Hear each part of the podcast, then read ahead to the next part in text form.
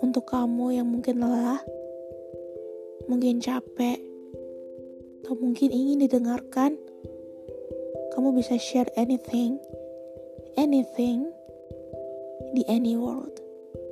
Dan aku bakalan post di podcast aku secara anonim.